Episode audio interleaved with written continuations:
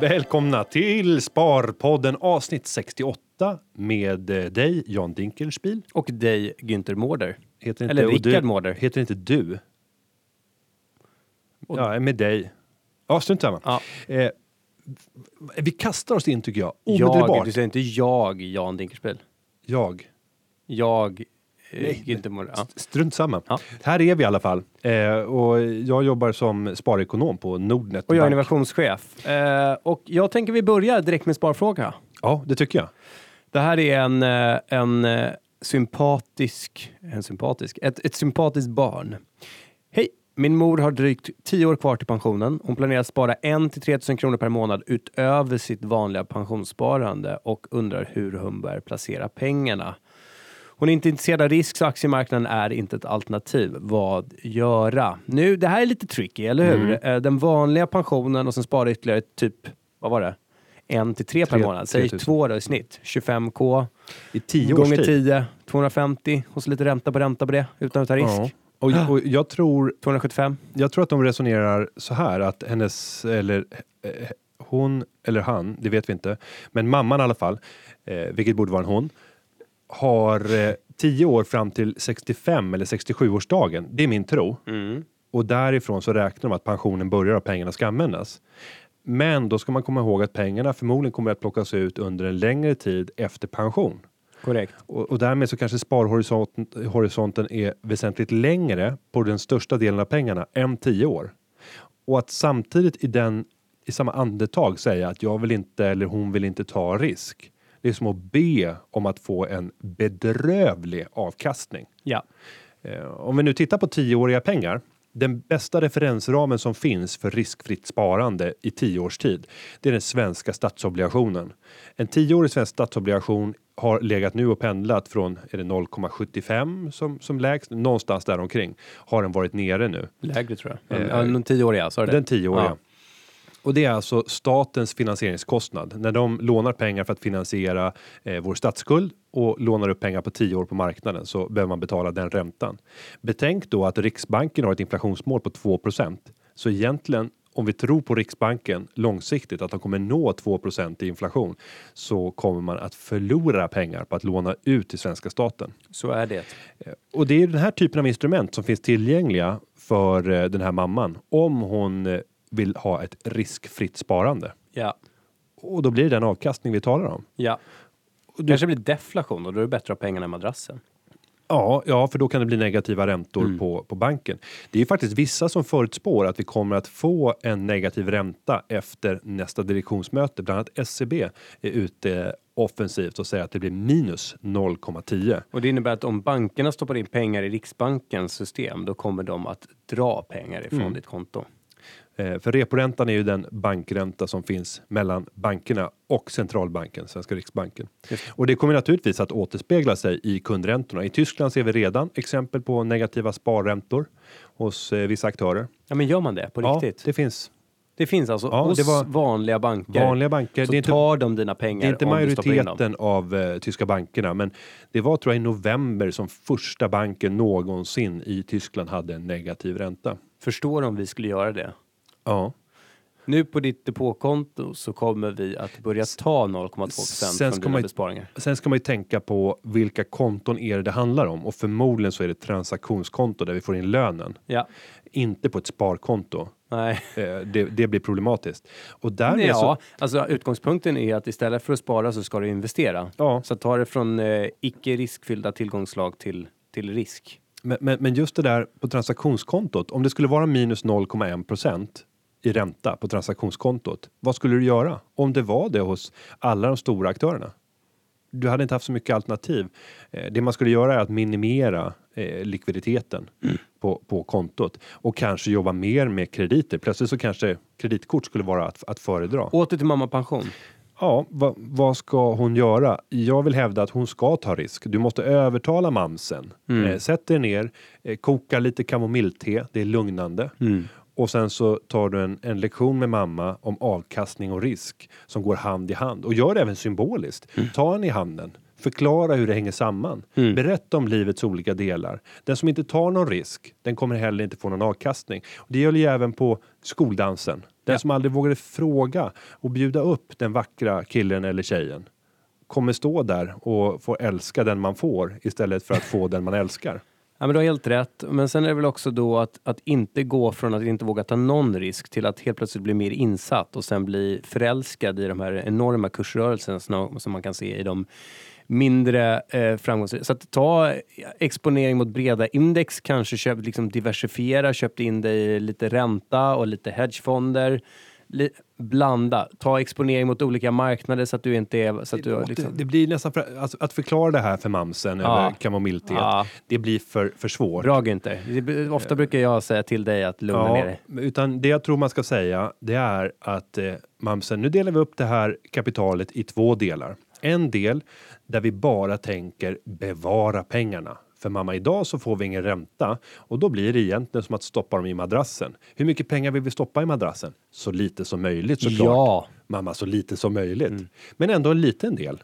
Så kanske 15-20% av kapitalet. Och det är alltså 2 kronor av 10 eller 1,50 Det av där 10. är för mig helt irrationellt egentligen. Att du ska lägga typ 10-20 procent, det beror på vad du gör med resten. Eller? Ja, det är klart. Men, Ja. men nu måste vi bara hitta argument för att Ja, mamma ska känna sig lugn. Okej, okej. Eh, resten, mamsen, det är de 8 av 10 kronorna, eller 80 procent som vi säger inom finansvärlden. Eh, de kommer vi använda till att placera i olika välkända företag runt om i hela världen. Jag tycker du gör det komplicerat. Och det gör vi genom att, att köpa enkla fonder som finns tillgängliga för dig som sparare. Och då så köper man lite i USA och lite i Europa, kanske lite i Asien och så lite i Sverige. Kan vi inte säga så här då? Fyra olika Ja, okej. fonder och vi försöker hitta de fonderna som är billigast och som också sprider riskerna genom att investera i de största bolagen på de här marknaderna. Mhm. Det kallas indexfonder, Mamsen. Mm. Kanske. Jag tror att det här kan bli ett bra samtal. Sen handlar det också om att förklara för mamsen då Mm. att om det går ner radikalt, om du har en likviditetsbuffert så att du inte sparar in allt i aktie utan en del med exponering mot aktiemarknaden. Så kan man säga, mamsen, om det går ner så kommer det vara jättebra. För då finns det förutsättningar att ta lite av den här likviditeten och investera mer. För om man tittar tillbaka de senaste 26 åren så har aktier inklusive utdelningar i Sverige avkastat, vad är det, 7-8 procent? Mm. Har du 26 eller 29 år eller? Och, och sen ska man väl lägga till att eh, var tredje år nu fram under de 15 kommande åren så Ja. kommer vi att ha en avstämning. Bara var Mm. tredje år så det är ungefär var tusende, tusende dag.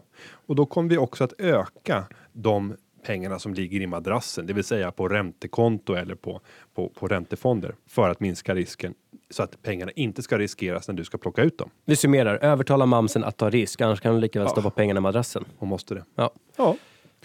Det är ett kort och enkelt svar. Nej, det var långt. Ja, Om, om du vill göra någonting mer med Mamsen så skulle jag vilja tipsa om eh, Nordnet Live. En Mm. hel dag den 10 februari i Stockholm på Waterfront. Då är både du och Mamsen och alla vänner varmt välkomna. Över 2000 anmälde sig från det att vi släppte länken och en vecka framåt.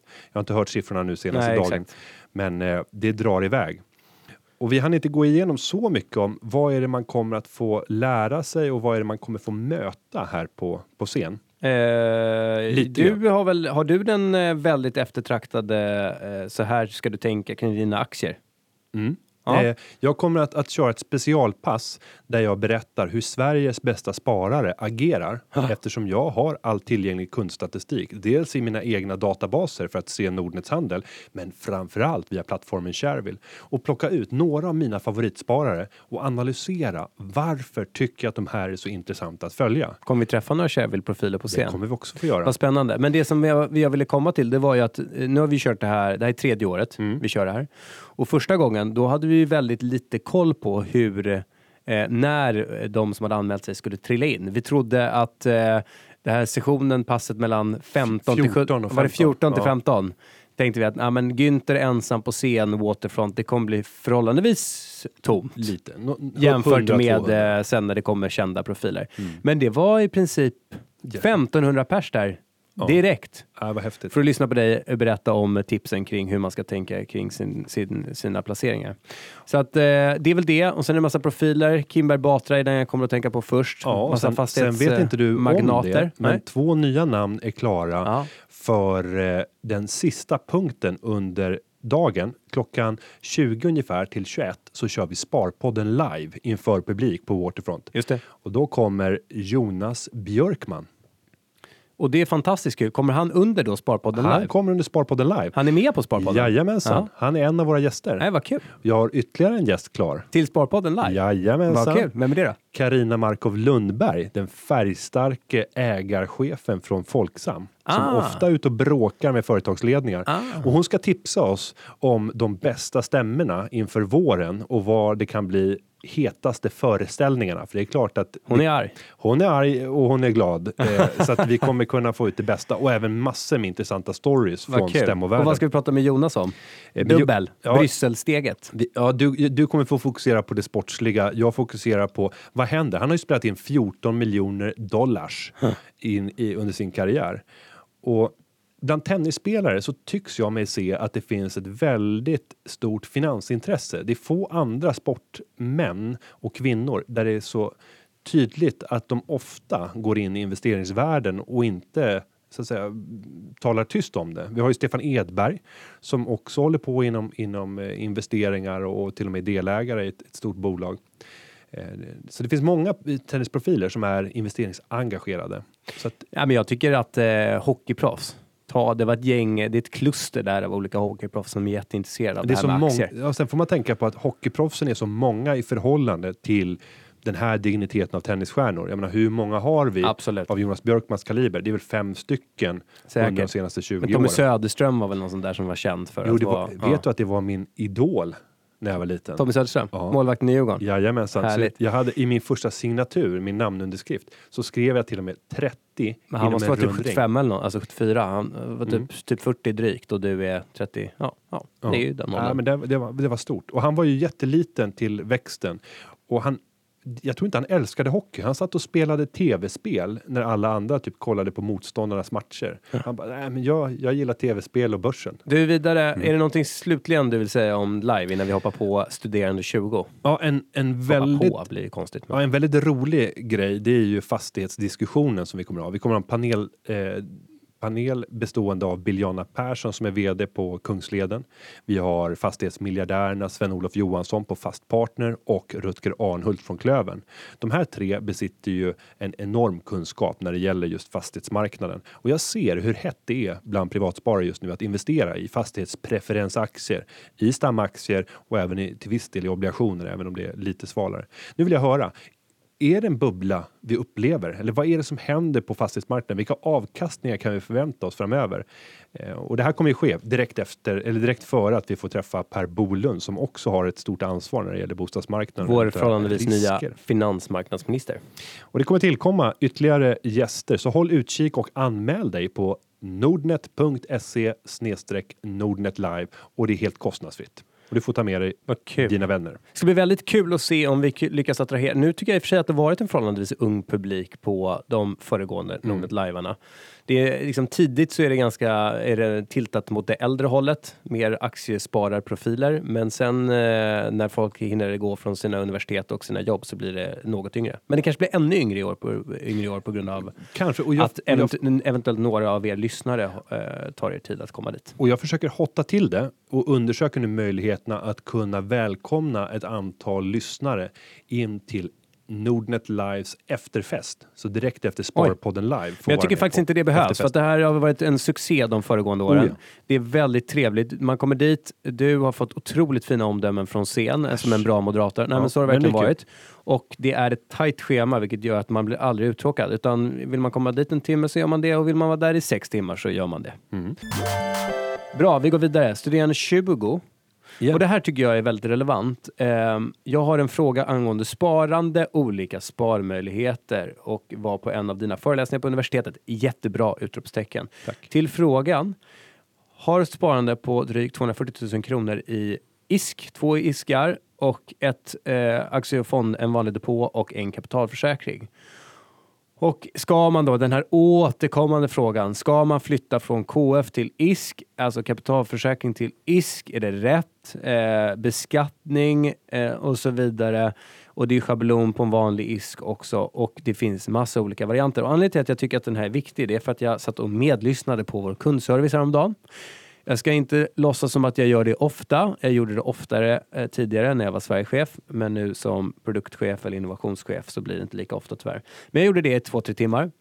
Och då var det en äldre kvinna som ringde in och sa just det här med eh, jag får höra överallt att jag ska flytta från KF till ISK. Och jag får flytta och eh, bör jag inte göra det? Och det var liksom svårt att ge henne ett svar som hon eh, kändes nöjd med.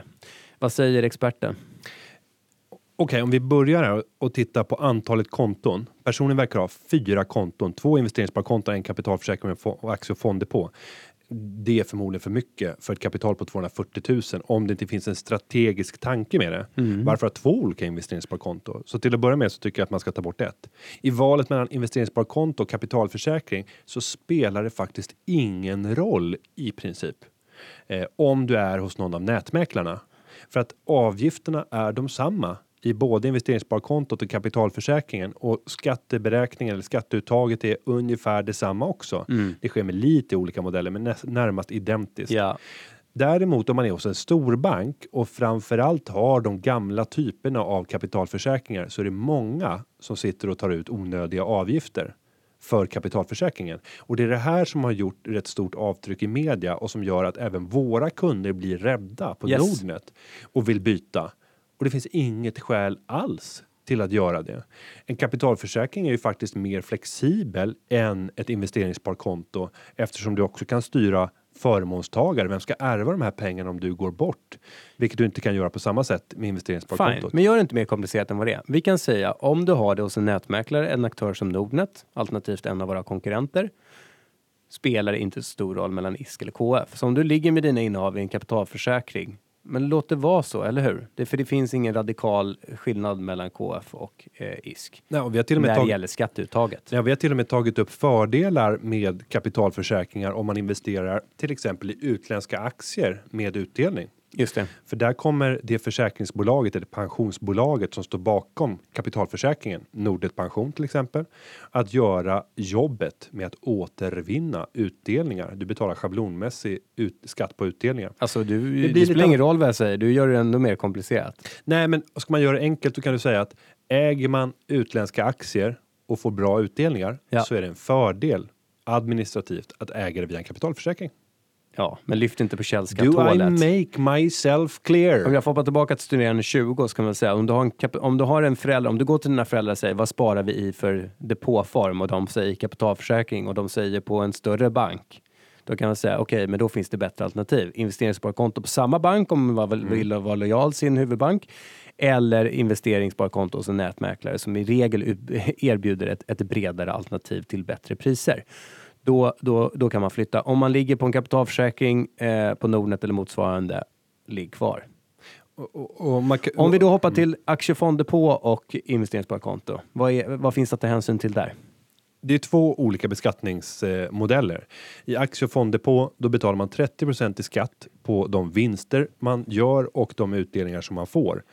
Å andra sidan så får man också en avdragsrätt om man gör förluster. Då får man använda den förlusten för att kvitta mot vinster. Och gör man stora förluster så kan man även kvitta det mot eh, inkomst av tjänst, alltså din lön, även om det blir lite mindre förmånligt. Men du har avdragsmöjligheter. Om vi tittar istället på investeringssparkontot och även kapitalförsäkringen så ligger skattesatsen på 0,27 eller 0,26 en under 0,3 i år som du betalar på hela kapitalet oavsett om du gör vinst eller förlust. Så det kommer ju vara fantastiskt gynnsamt så länge som du gör affärer som är eh, genererar en högre avkastning än den statslåneränta som var året innan den 30 november och det var 0,9 procent. Så kommer man ha en avkastning på sitt eh, aktie och fondsparande som är över 0,9 procent under 2015, då är det bättre att äga det i ett investeringssparkonto eller en kapitalförsäkring. Och då hoppar jag till fråga från svåger då. Mm. Mm. Eh, han sitter då med eh, liksom, innehav som han haft eh, säkert 20 år som han har ärvt. Mm. Eh, och det är i olika eh, ja, large cap-aktier, H&M, eh, Astra, Investor och så vidare. Mm, I en information. Eh, i en aktiedepå och eh, det är förmodligen schablonbeskattning, det vill säga du får beskatta 30% på 80% om du säljer va? För att då är anskaffningsvärdet 20. Är det inte så? Ja, du kan använda schablonmetoden. Ja, men schablonmetoden är väl anskaffningsvärde 20% av Mm. det som eh, kursen står i idag. Och för er då som inte kan det här med deklaration och direktbeskattning så är det helt enkelt så att om du har haft eh, aktierna så länge så att du kanske köpte dem för 10 och de står i 100 då kan du använda schablonmetoden, det vill säga 20% av värdet på eh, aktien som den står i idag blir ditt anskaffningsvärde. Så då, eh, om det är, aktiepriset är 100 så blir anskaffningsvärdet 20 och så beskattar man då 30% av vinsten på 80 kronor. Mm, om man då är förhållandevis ung, den här mannen är 35 eh, någonstans, eh, ska man då sälja? Han, han säger ju så här, jag är för snål, jag vill vänta en sättning på aktiemarknaden, att börsen ska gå ner, jag tror att den är högt värderad, det ska gå ner. Ska jag sälja och ta de här 30 procenten av 80 procent eh, för att stoppa in pengarna i ett investeringssparkonto eller ska jag vänta på kraschen? Tänk dig att han har en lång sparhorisont framför sig och att det finns en skatte och- också, för, för att tillägga då, anledningen till att men det är väl bara skatta om det är bättre skattesatser än andra. Nej, men det är det inte. För att du, du, man säger ju nästan att man, man investerar lånade pengar. Om du har, alltså 30 procent av 80 kronor är ju eh, 1624. 24 kronor. Du har 76. När du har betalat skatten så har du 76 kronor kvar. Och helt plötsligt så kommer du investera 76 kronor i ett investeringssparkonto i samma aktie istället för 100 kronor. Så du har ju som ett lån där i din, din eh, skatt som du har investerat. Och det, och det är egentligen ännu enklare att förklara genom att säga att om du köpte en aktie för 100, den stiger till 200. Om du hade sålt den, ja då hade du gjort 100 kronor i vinst, då ska du betala 30 kronor i skatt.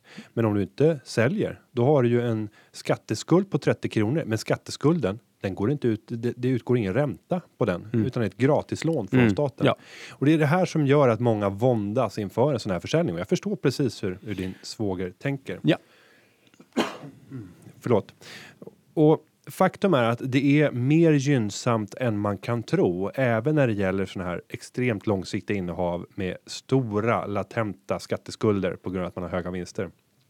Och det hänger samman med utdelningen, för även utdelningen blir ju så att säga skattefri inom ett investeringssparkonto och det gör att i Hennes och Mauritz och AstraZenecas fall och liknande så får du en väldig fördel av att få en skattefri miljö. Just det. De direktavkastar mellan 3 till 5 procent ungefär och då slipper du betala 30 procent på den skatten. Och eh, vem, vad tycker du om ränta på ränta?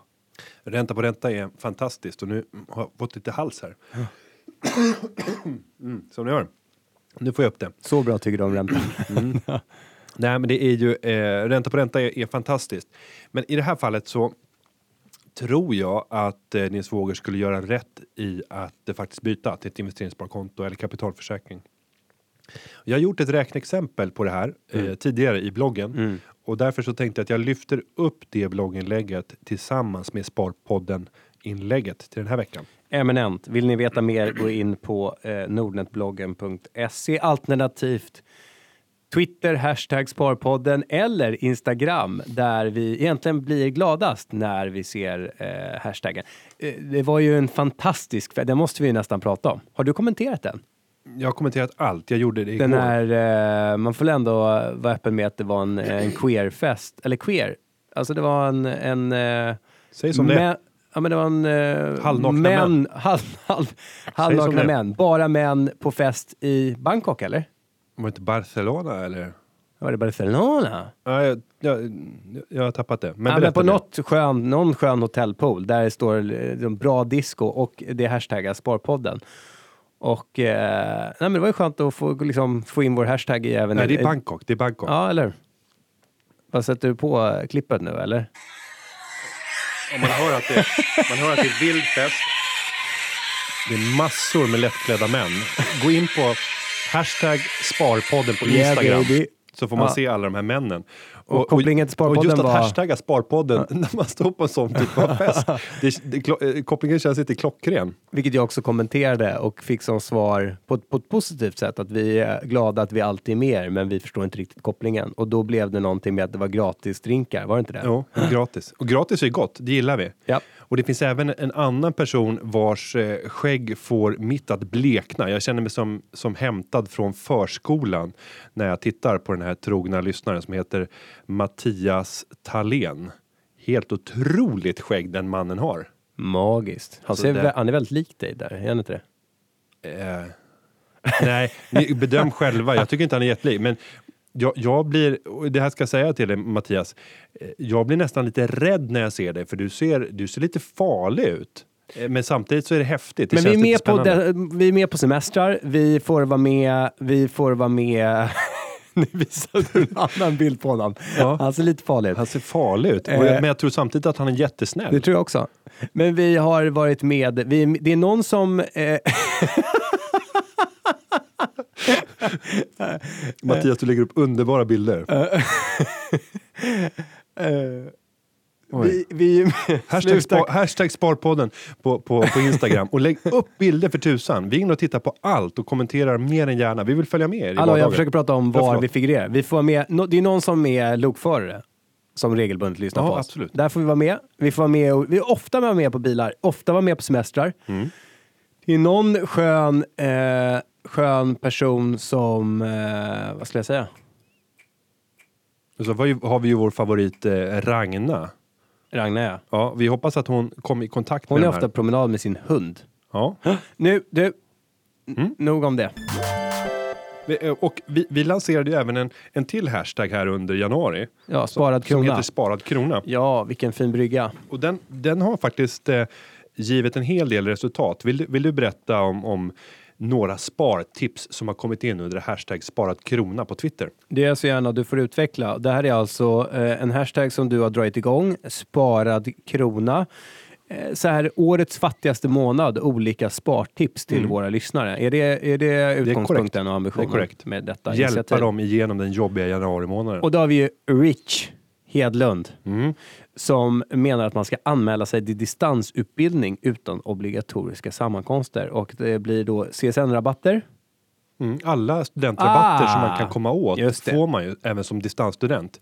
Och nu kommer jag outa någonting här Oj. som Det, gör... här känns som det, tangerar, det kommer kännas som det tangerar bedrägeri. Nej, Som så ofta nej, nej inte bedrägeri, utan det här, vi kommer förmodligen antingen att bli omfamnade och kramade av den här personen eller så kommer de bara, vad har ni gjort? Vad har hänt? De kommer undra vad som har hänt för det kommer bli sånt galet söktryck nu. Eh, vad jag vet så finns det en, diska, en, en distanskurs i praktisk aktiekunskap på Baltic Business School i Kalmar. Alltså Kalmar högskola har en sån här distanskurs och han som är lärare heter tror jag Ingmar Hansson har varit engagerad i, eh, i Aktiespararna. Ingmar Karlsson. Ja, strunt Du tänker på den före detta statsministern tror jag. Ingmar Karlsson. Ingmar. Eh, nej, men det finns i alla fall en kurs på distans i aktiekunskap där man kan plocka akademiska poäng på kunskaper som de flesta lyssnare redan besitter. Eh, och därmed också få ta del av alla de här rabatterna. Och det finns flera, jag tror att det fanns två eller tre stycken sådana här kurser. Eh, så om eh, om inte Baltic Business Schools ledning har hört det här avsnittet så kommer de förmodligen undra varför i helskotta anmälningarna bara sköt iväg i slutet av Vadå januari. man ska anmäla sig där så att du blir inskriven så att du får rabatter? Ja, och det blir ju till hösten förmodligen som du blir antagen då.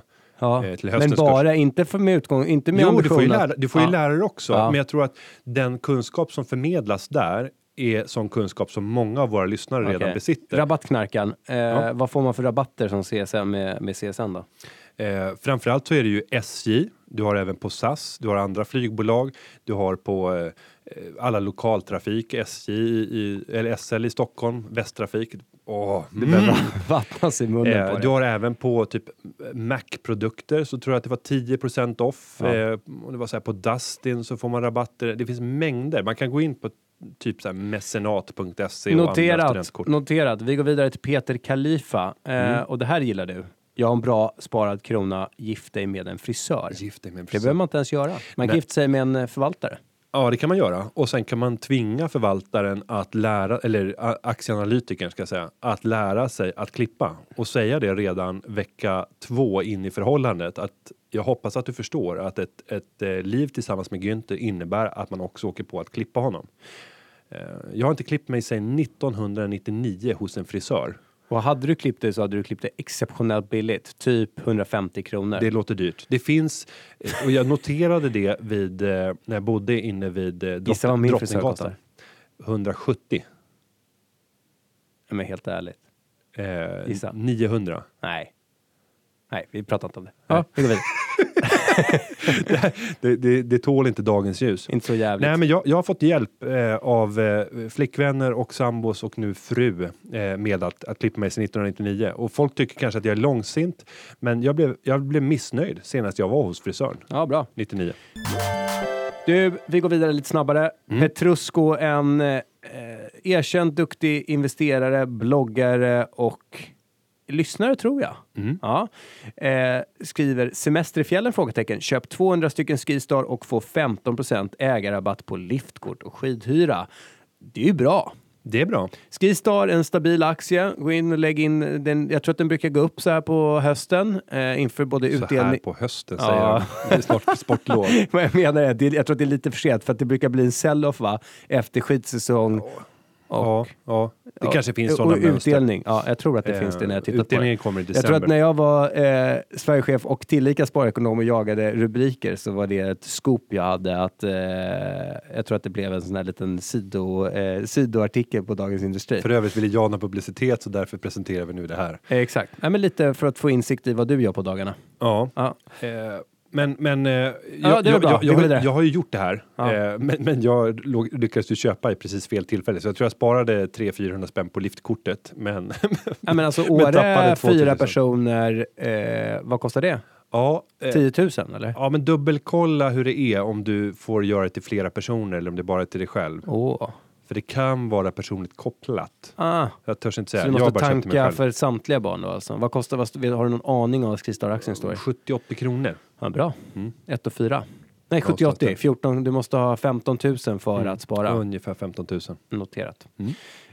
Eh, och sen har vi, har vi någonting mer då? Åh, en stor dag, skrev du. Sparad krona. Låt Ja. kollegan bjuda på lunch. Jag bjöd dig på lunch. Det var inte vilken lunch som helst. Man kan ändå säga att det var på Det- mitt initiativ. Ja, men den gick lös på hundratals kronor. Och folk reagerade över att ja, det rådde ingen tvekan om vem som åt vad. Jag redovisade kvittot under hashtag Sparpodden eh, som en bild på Twitter. Eh, köttbullar, 155 kronor. Ja, men det tycker jag ändå är mer prisvärt än en kaffe för 32. Där reagerade till och med jag. Var det 32? Var det inte 35 till och med? Nej, jag tror att det var 32. Det är ju helt sjukt. Kaffet eller köttbullarna? Allt, allt, hela konceptet Nej, är men sjukt. det är bra köttbullar. Ja, men det, det, du kan inte motivera, inte lunch. Alltså, okej om det hade varit fin kvällsrestaurang om man hade suttit där och tagit upp dyrbar tid. Men Ja. vi var där i 50 minuter. Ja. Ja, men det är väldigt goda köttbullar. Nej, det här håller inte. Jag, jag, jag mådde dåligt så fort jag såg det där kvittot. Och Ja. sen så just där, den där provokationen att välja någonting dyrare men någonting enklare. Alltså, Nej, men det är ju godare. en, jag tog någon avokadosallad. Ja. Vad betalar... 125 istället Ja. för 155. Men eh, kaffe 32 spänn är en sån där liten sketen kopp. Inte ens, men jag, kan, jag kan köpa att en cappuccino har en, en, en något dyrare kostnad för det krävs en arbetsinsats och det vet vi att arbetskraft är dyrt i Sverige. Ja. Det försöker man göra dyrare nu. Såg du propositionsspråket här Ja. eh, mellan eh, Och hur, Alliansen hur man och... försöker försinka och man vill inte hålla på och göra ändringarna som budgeten har. Ska vi utveckla det då? Så att jag visste inte, ja det här känns ju oerhört okunnigt, men jag blottar mig då. Att eh, parallellt med att man då röstade ner till regeringens budget i höstas Mm. så blev det så att man röstade ja till Alliansens budget. Alliansens och då är det budget. den som gäller. Ja. Eh, Och många av delarna i budgeten, Och då gäller finns för hela året. konkreta förslag i den budgeten och ett är att sänka arbetsgivaravgiften För- på, för, på de som är unga. Ja, ytterligare. Och sen vill man ju verkställa på det och sen så handlar det då om vad man har kommit överens om i den här decemberöverenskommelsen. Kan Mm. de till våren lägga in förslaget att arbetsgivaravgiften ska höjas för skatt på arbete för, för unga medborgare? Mm. Och då lät ju på Annie Lööf igår som att nej, det kan man inte göra inom Nej, nej, ramen för nej. decemberöverenskommelsen. Vi lär återkomma till Det den. blir spännande.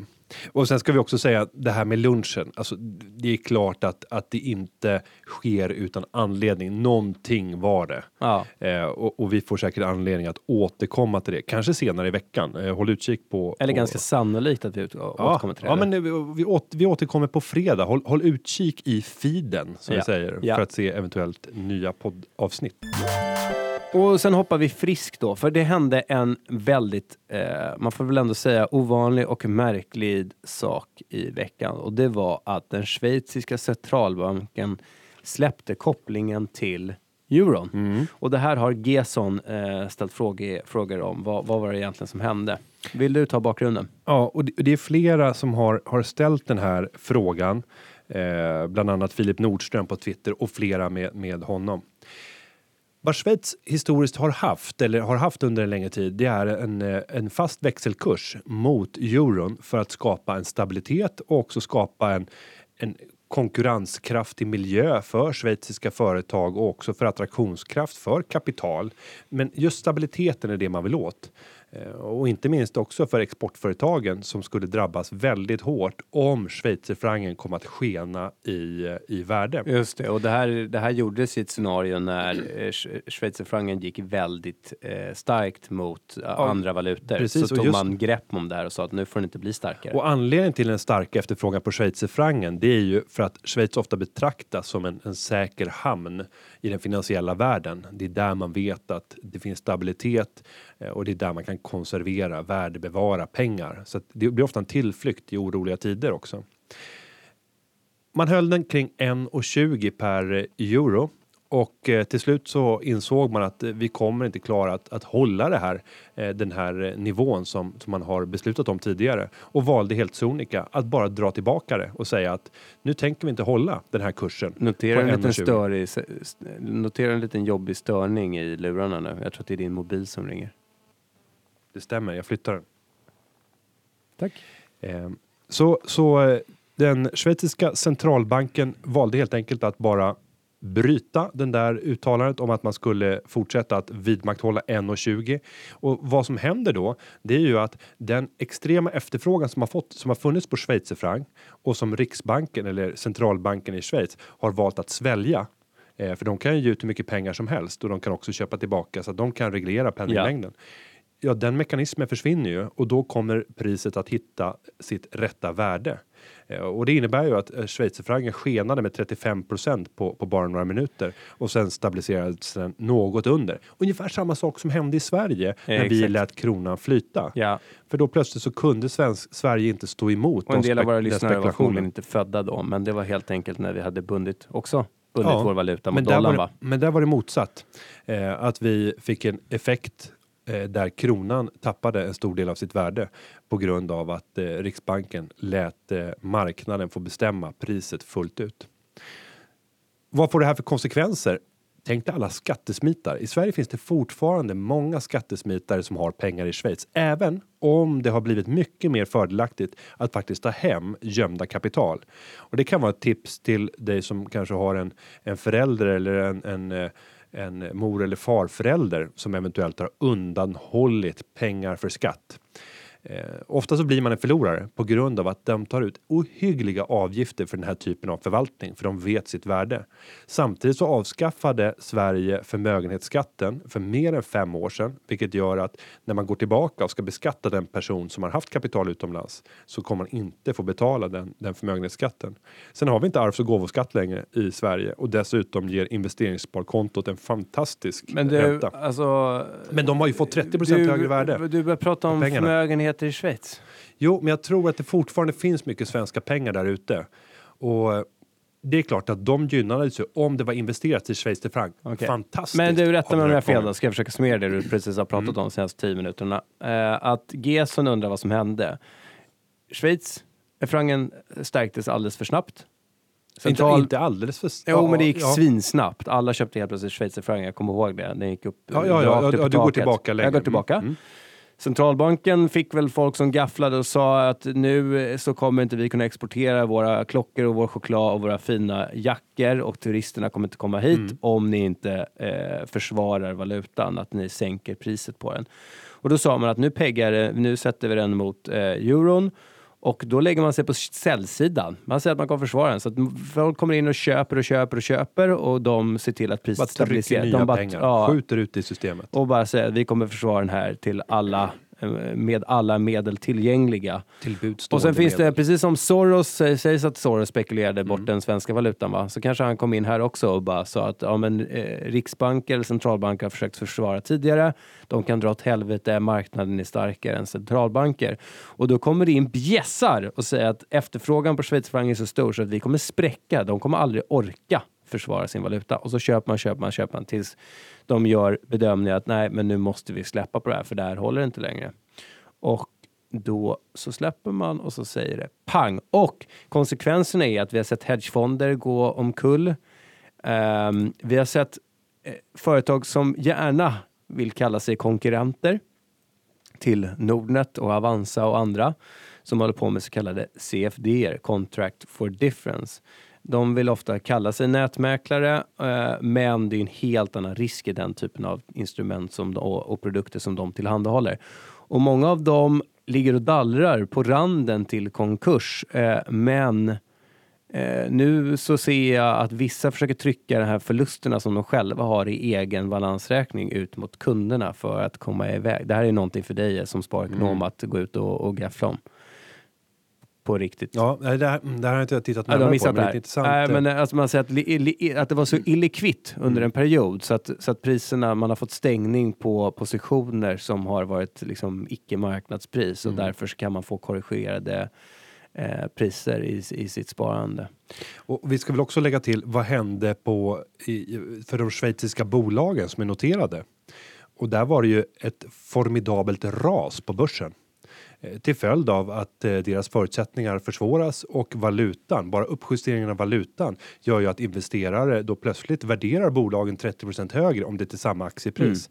Så därmed så fick vi se kraftiga fall i aktiepriserna. Så de som hade pengar i Schweiz investerade i schweiziska aktier. De har ju missgynnats av den här nedgången.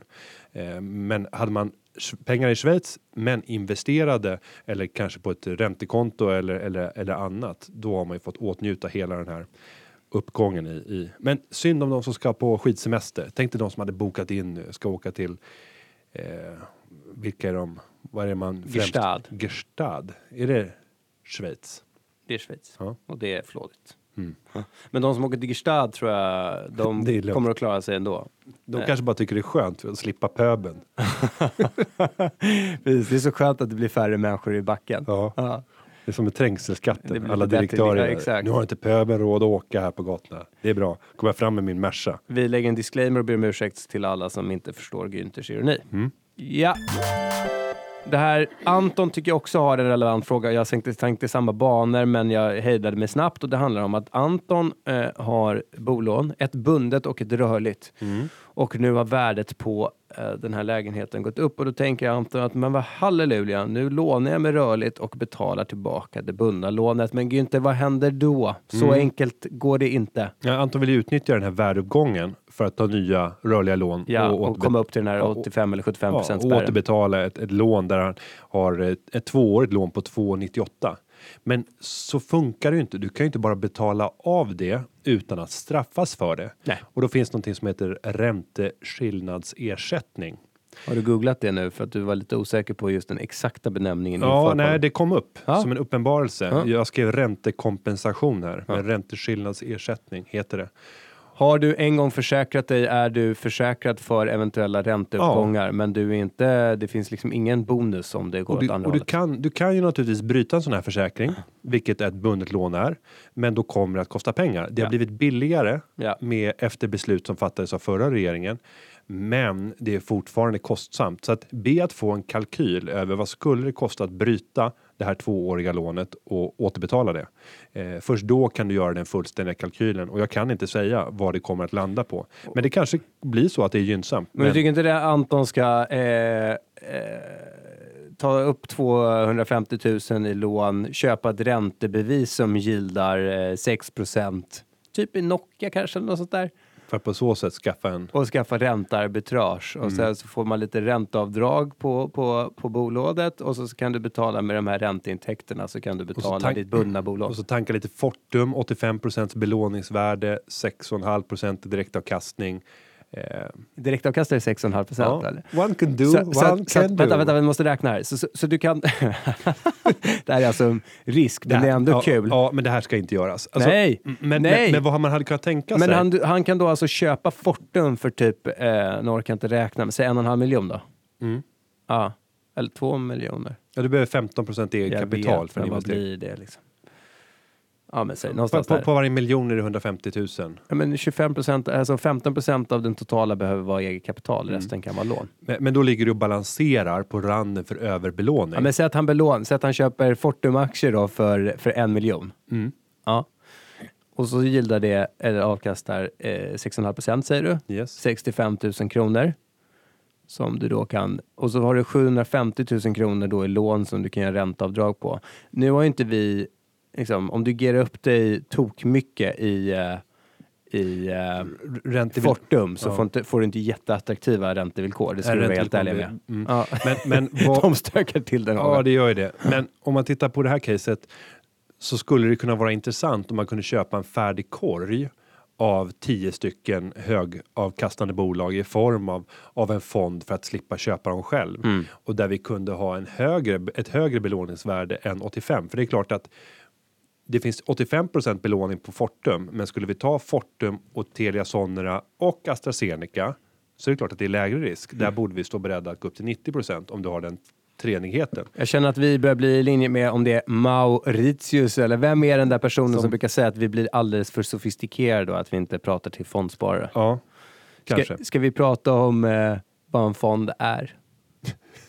nej, nej, det behöver vi inte göra Nej, nu. nej. Eh, men men, men eh, ja, vi har gett mängder av råd här till, till Anton, eller egentligen Ja. förklarat för honom att det funkar inte så lätt. Nej.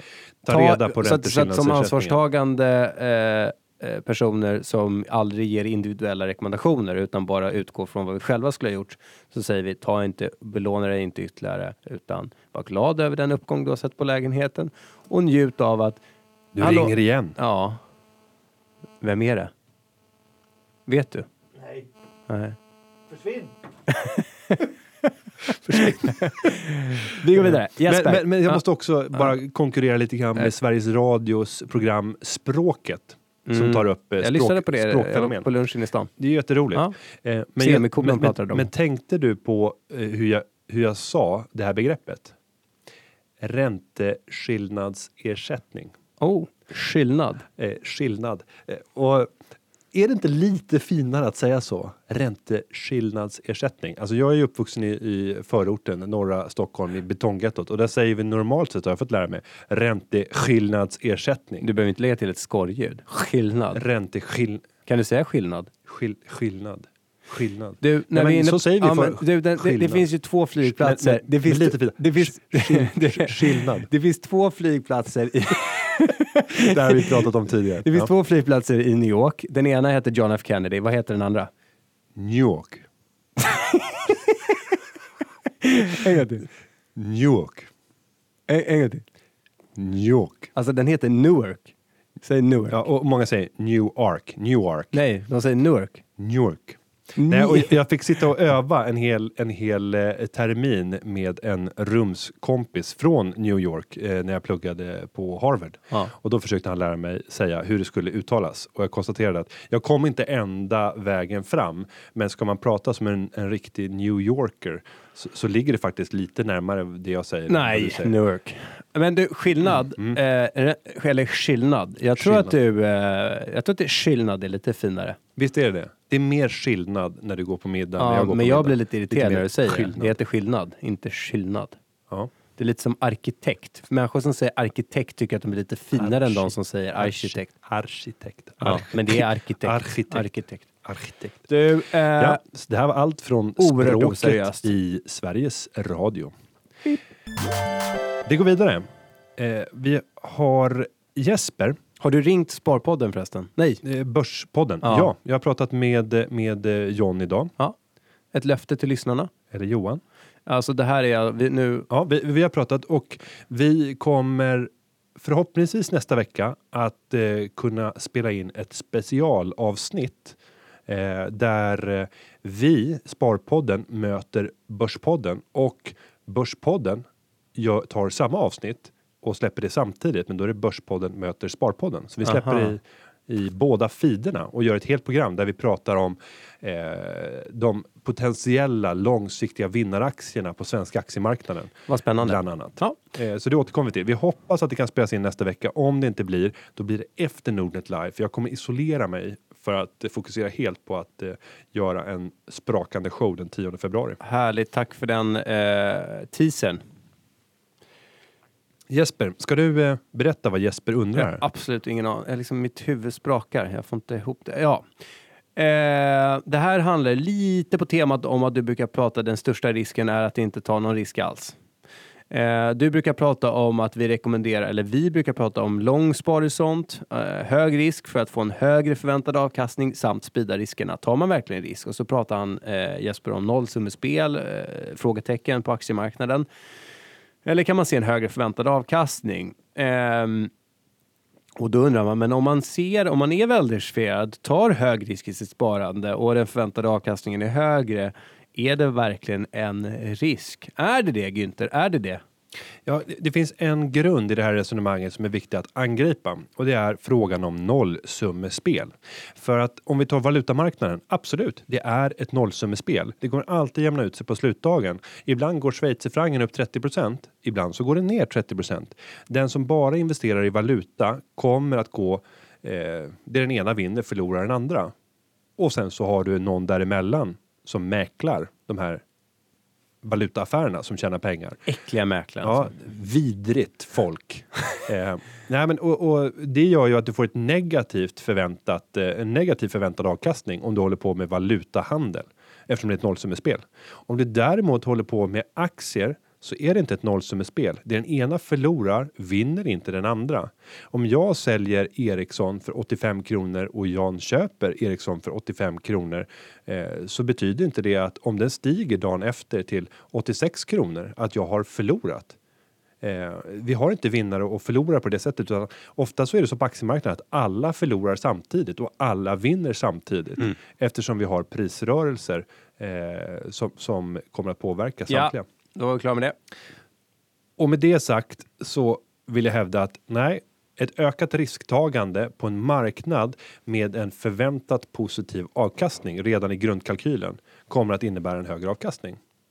Eh, Så att ett risktagande måste till för att få den för att få komma in. Det är liksom inträdesbiljetten för att få vara med på aktiemarknaden. Att man tar risken för en, en nedgång i Men eh, priserna. vi tar två olika strategier då. Mm.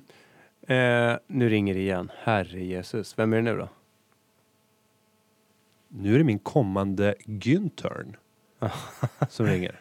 Har du redan börjat bli trakasserad sådär lite för, lite irriterande mycket? Någon person som så här, Nej, han utan- ringer lite, hen ringer lite för frekvent. Nej, han, eh, nej, han är otroligt ambitiös Ja. och eh, har redan börjat leverera mängder av material och uppslag och har även hjälpt till med Sparpodden. Det är han som har gjort det här underlaget Ja, som vi kul. sitter så med. han ger mer än nu. vad han tar. Ja, han har inte ens börjat och han ger redan. Ja, så att, eh, kul.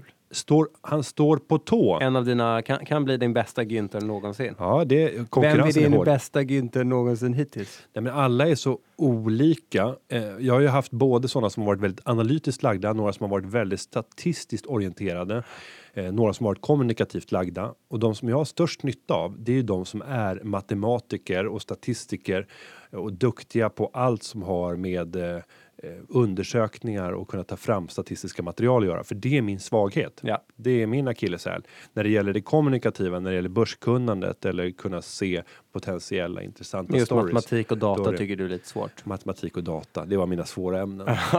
Du, eh, två exempel då. Mm. Du är 20 år gammal, eller 25 säger vi, du pensionssparar. Mm. Du kan välja att lägga det i en räntefond 100%, Ja, kort räntefond. Eh, du har ju återkommande inbetalningar till den här pensionssparandet eftersom du får den inbetald av din arbetsgivare och det kommer att liksom eskalera över tid. Du väljer antingen index i Sverige eller bara en kort räntefond.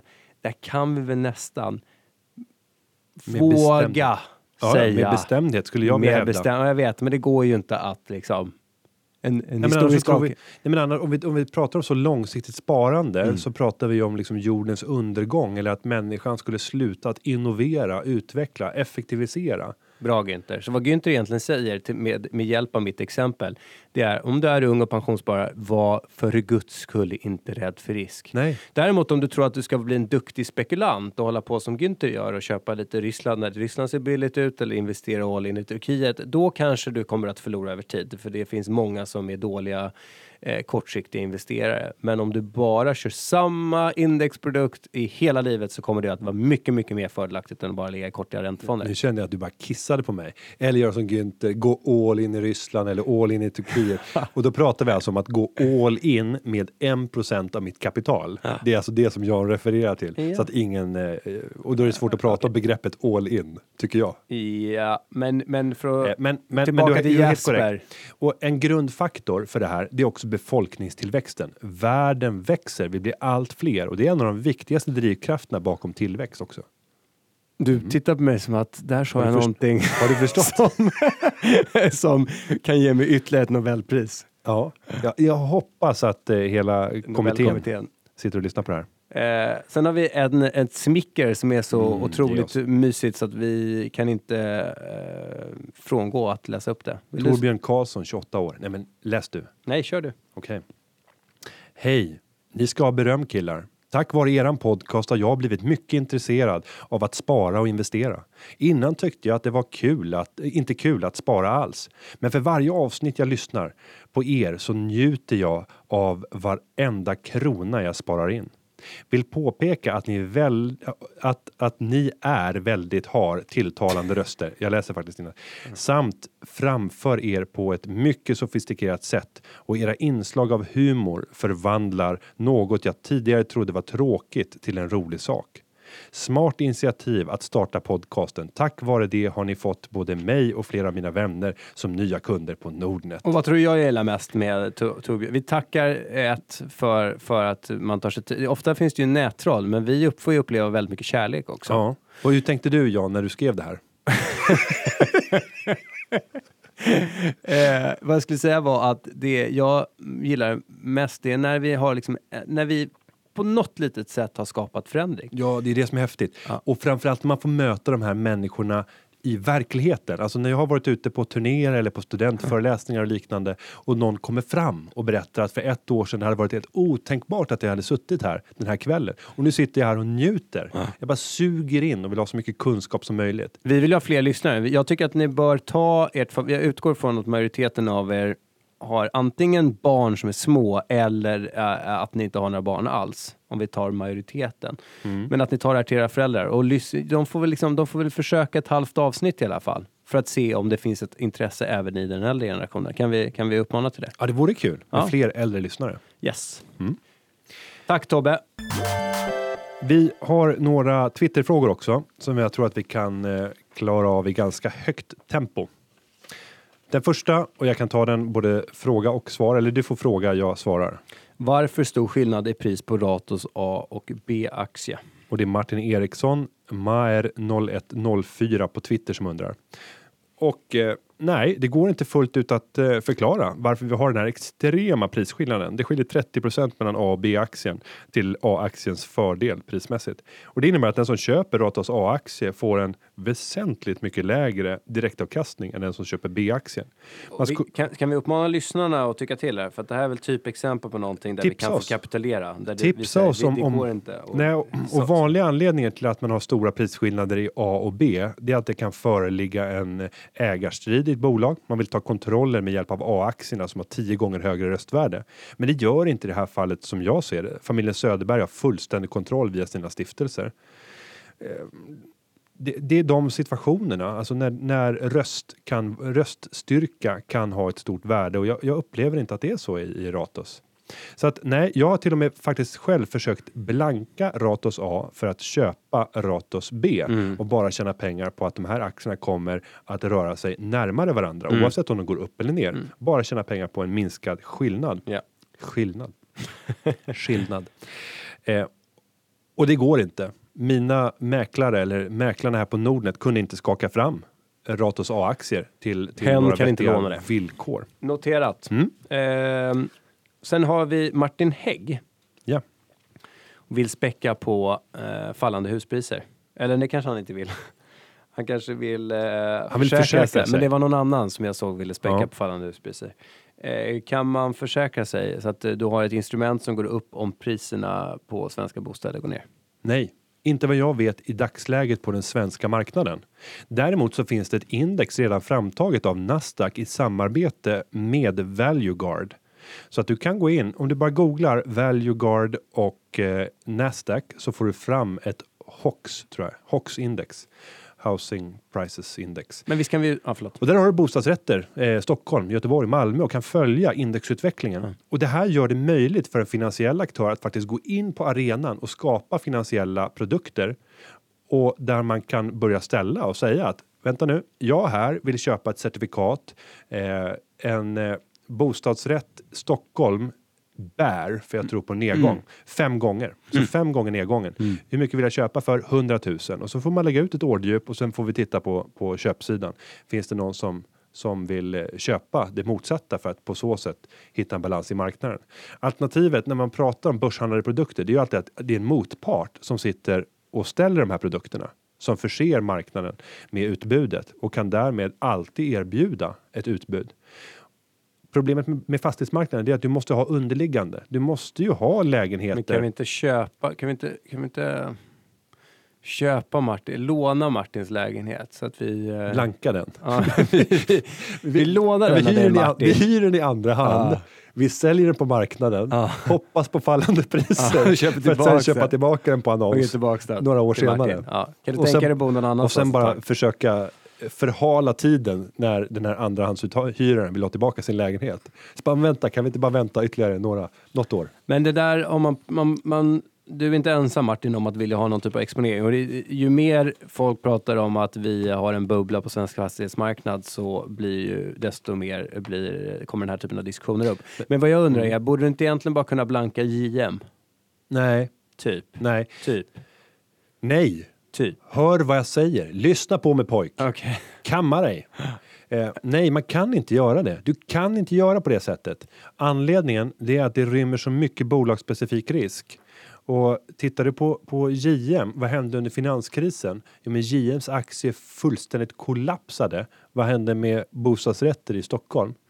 Ja, det var lite trögt i ett halvår. Okej. Och det blev en viss sättning och det var återhämtad redan ett halvår senare. Och så var det inte riktigt för JM. Det är mycket, mycket högre volatilitet, alltså svängningar i JMs aktier. Mhm. Eh, sen skulle man kunna, det där kan väl någon student titta på som tips på uppsatsämne. Skulle man kunna bygga en korg av några utvecklingsbolag inom fastigheter, titta på Besqab, andra typer av Ja, bolag och försöka hitta en korrelation En replika. ja, mot bostadspriserna Ja. och där man säger att ja, men om du tar 20 JM och Besqab aktier och sen kombinerar du det med statslåne, du, du köper statsobligationer och hittar den gyllene kombinationen för att få den Ah. perfekta utvecklingen mot det är Ja, jättebra, jättebra. jättebra. Varsågod. Jättebra.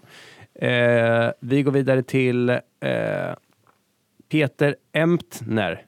Mhm. Alectas tradd, okej eller ej? Om man Ja, har det är ETP1 okej. via Collectum är defaultlösningen med Alectas tradd okej eller bör man välja annan försäkring? Då är det så här, som årets pensionsspecialist i ytterligare, en några tim- timmar. En eller två timmar. Vi ska snart överräcka priset till nästa vinnare. Ja, det känns jobbigt.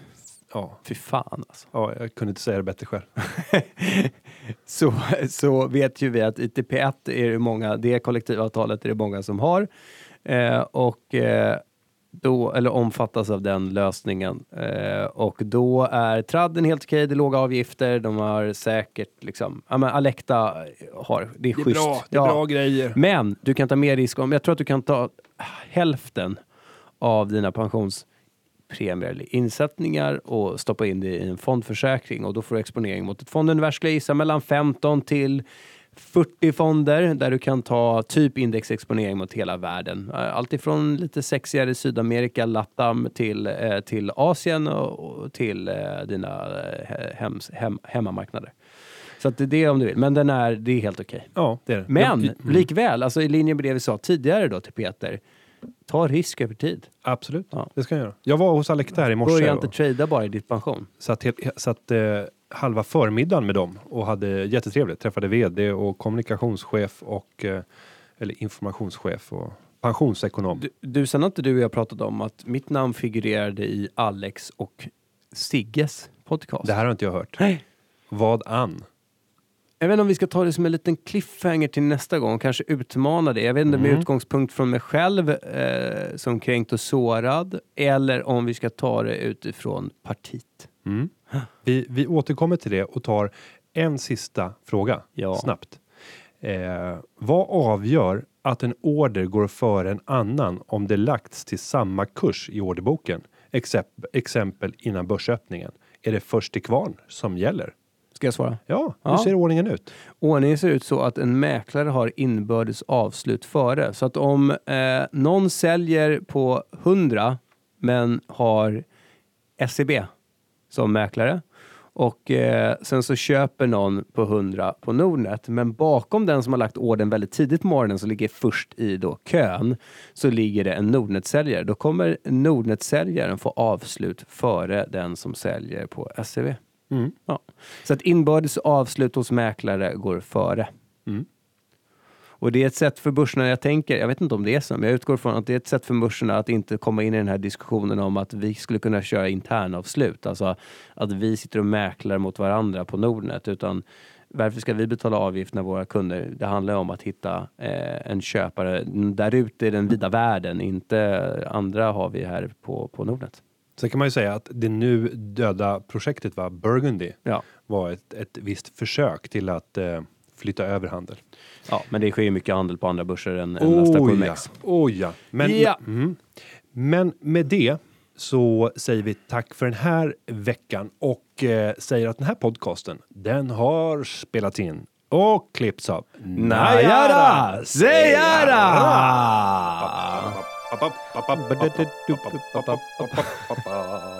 Hej då. Ciao!